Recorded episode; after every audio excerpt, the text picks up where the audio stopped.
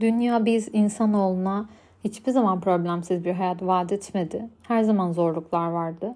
Ama 2020 yılından bu yana yüzümüz gülmedi desek yalan olmaz. Özellikle pandemiyle başlayan süreçte müthiş bir sorgulama oldu hepimizin içinde.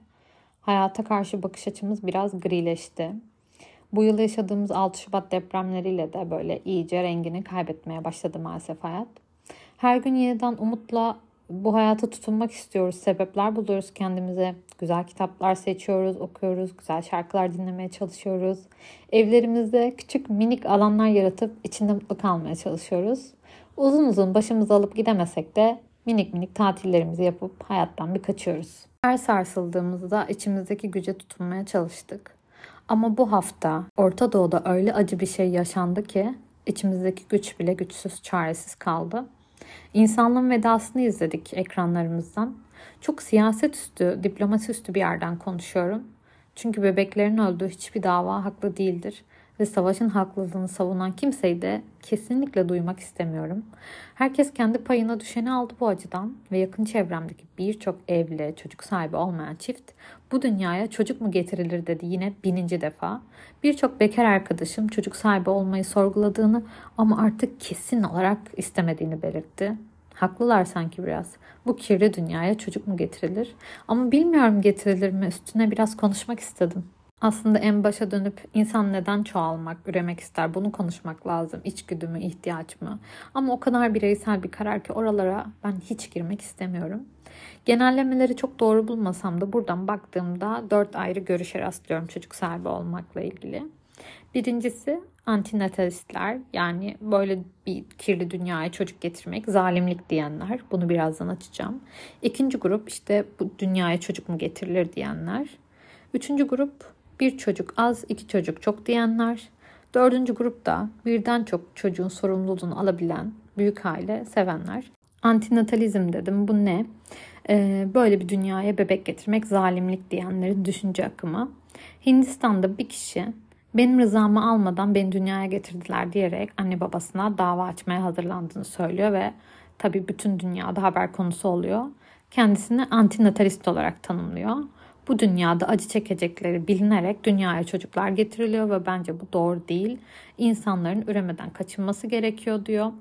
Dünyaya yeni bireyler getirmenin hem o bireylerin acı çekmesine yol açacağını hem de dünyaya zarar vereceğini savunuyorlar. Onlara göre çocuk yapmak bir kişi rızası olmadan tehlikeler ve hayal kırıklıklarıyla dolu bir dünyaya itmek anlamına geliyor. Bazı antinatalist gruplar da hatta dünyadaki son nesil biz olalım sloganıyla insanın üremeyi sonlandırmasını kendi isteğiyle de türünü yok etmesi çağrısını yapıyor. E, bu düşünce yapısının kökenlerini de bu arada Buda'nın öğretilerine dayandırıyorlarmış.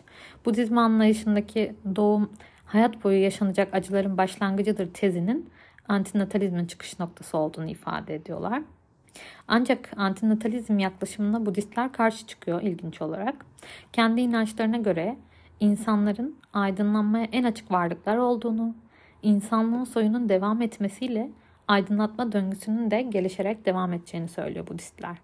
Zaten bu fikrin böyle bir düşünce sistemine dönüşmesini sağlayan e, bir felsefe profesörü var David Benatar. E, Türkçe'ye keşke hiç var olmasaydık, e, var olmanın kötülüğü olarak çevrilen kitabında sürekli yükseltilmeye çalışılan mutluluk, zevk ve keyif standartları gerçek rakamlara döküldüğünde derin bir içsel sefaleti ve mutsuzluğu gizler. Yeryüzüne adım atmış olmakla insan esasen çekemeyeceği ızdıraplara gebe kalmıştır. Bu yüzden gelecek adına ideal nüfus sıfır olmalıdır ve mesken tutulan bu dünya yaşamak, hayal kurmak ve temelinde çocuk yapmak için ideal bir yer değildir diyor fikrini gerçekten savunuyor ve bununla ilgili bir kitap da yazmış. Her ne kadar son yıllarda sosyal medyanın da etkisiyle adlarını daha sık duyurmaya başlamış olsalar da aslında antenatalistlerin sayısı çok fazla da değil. Buradan hemen Nilkara İbrahimgil'e geçiyorum. Çocukta yaparım kariyerde mottosuyla arkasına bir grup kadınla ordu gibi takmıştı. Ben de onlardan biriyim. Ve Nilkara İbrahimgil'in tam da bu konuyla ilgili yıllar önce yazdığı bir köşe yazısına rastladım bölüme hazırlanırken. Az önce bahsettiğim David adlı kişiden, kişi diyorum kendisinden pek hoşlanmadım. Ondan bahsediyor. Köşe yazısında aynen şöyle diyor. Şu David denen adam moralimi bozdu bu hafta. Kimmiş ki bu diyor. Sizce insanın kaç çocuğu olmalı sorusuna Hiç. İnsanın hiç çocuğu olmamalı demiş adam. Ve e, Nilkara İbrahimgil adamın düşüncelerini bu kadar ustalıkla savunmasına, bu kadar zekice fikirlerini savunmasına birazcık sistem etmiş. Yazıya şöyle devam etmiş. Etrafımda anne olmayı reddetmiş, hiç özenmemiş, istememiş çok kadın var. Özgürlüklerini seven bu kadınlar sırf kadınlar ve doğurabiliyorlar diye anne olma zorunluluğu hissetmiyorlar ve onları çok iyi anlıyorum. Hayat bir kere. Onu nasıl istiyorsan, nasıl mutluysan öyle yaşamalısın. Kimsenin kimseye anne olma baskısı kurmaya hakkı yok. Aynı şekilde anne olana da baskı olmamalı diyor. Bu David denen adamdan bahsediyor yine. Anne baba olmayı neredeyse resmen ahlaksızlık ve büyük bir düşüncesizlik boyutuna getirmiş. Hayatımda gördüğüm en karanlık, en gölgeli, en pişman adam. Diyor ki hayat ızdırap demektir. Nasıl ki öldürmek için çiftliklerde hayvan yetiştirip onları yememeliysek insan da dünyaya getirmemeliyiz. Yazının devamında hala bu David'in sözleri var. İşte yüzdeler veriyor adam. Şu kadar insanın başına şu geliyor, bu kadar insanın başına bu diye. Çok şanslı bir azınlık dışında hayat maddi ve manevi acı çekme yeridir demiş. Demiş de demiş işte. Nil de diyor ki İçinde her zaman kibrit çakar gibi aydınlığı ve neşeyi çakabilmiş biri olarak ben bile gölgesinde kaldım bu söylenenlerin diyor. Ve anneliğin doğal getirisi olan endişeli halim yüzle binle çarpıldı. Tatlı yavrumun o şanslı azınlıktan olması için dualar ettim. Uykusuz kaldığım birkaç gece yüreğim kömür gibi için için yandı. Fakat sonra kibritimi çaktım. O kibritin aydınlığında oğluma gösterecek dağları, ovaları, okyanusları ve gökyüzünü düşündüm Hepsinin içinde gezinen binbir canlıyı gördüm sonra. Sayamayacağım kadar çok yeryüzü cennetleri ve halleri geldi aklıma diyor.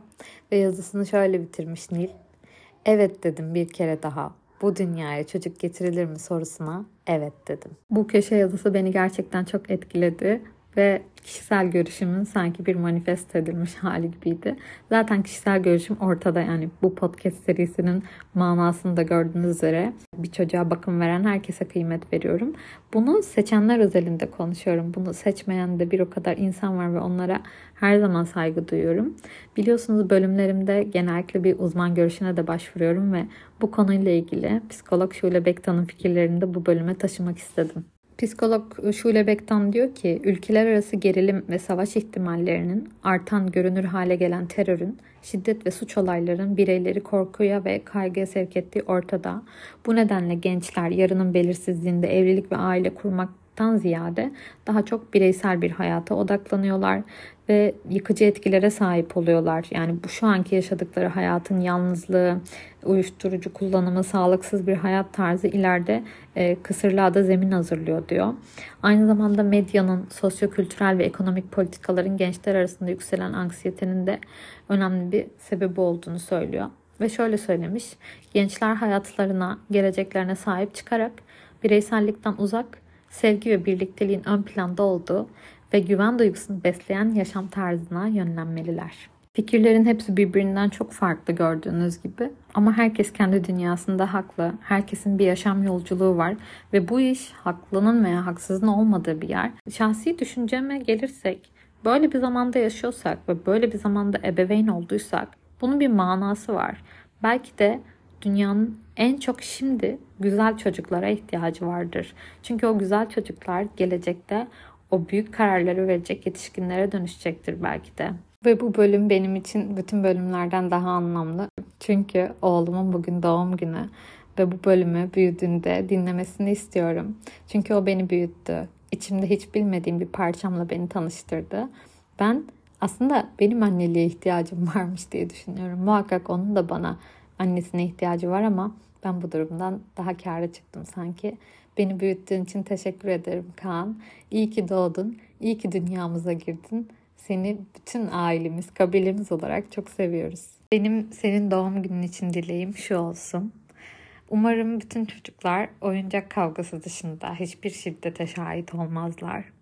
Ve şairin de dediği gibi çocuklar oyun oynar, balıklar yüzer ve kuşlar da uçar bir an evvel dünyanın üstündeki şu kara bulutların dağılmasını diliyorum. Böyle bir dönemde dünyaya çocuk getirilir mi konusunu ucundan kıyısından birazcık konuşmuş olduk. Bu konu hepimizin malumu olduğu üzere bir podcast bölümüne sığmayacak kadar aslında ağır, uzun ve Üstünde çok fazla fikir beyan edilebilecek bir konu. Ama ben böyle bir ucundan kıyısından değinmek istedim. Çünkü biliyorum ki etrafımızda Hepimizin etrafında kafası karışık olan bir sürü çocuk sahibi olmayan insan var. Ya da bir çocuk sahibi olup ikinciyi yapıp yapmamayı düşünen insanlar var. Çok kişisel o kadar kişisel bir yolculuk ki kimsenin kimseye müdahil olmaya da hakkı yok diye düşünüyorum ben.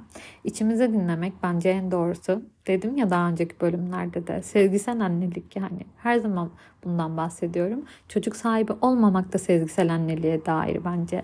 İyi bir anne olamayacağını düşünen bir insanın çocuk sahibi olmamayı tercih etmesi bu da bir sezgisel yolculuk aslında. Ben bölümü yavaş yavaş burada sonlandırıyorum. Bir sonraki bölüme kadar hem zihinsel hem de fiziksel olarak güçlü kalmaya çalışalım lütfen olur mu? Hepinize sevgiler, hoşçakalın.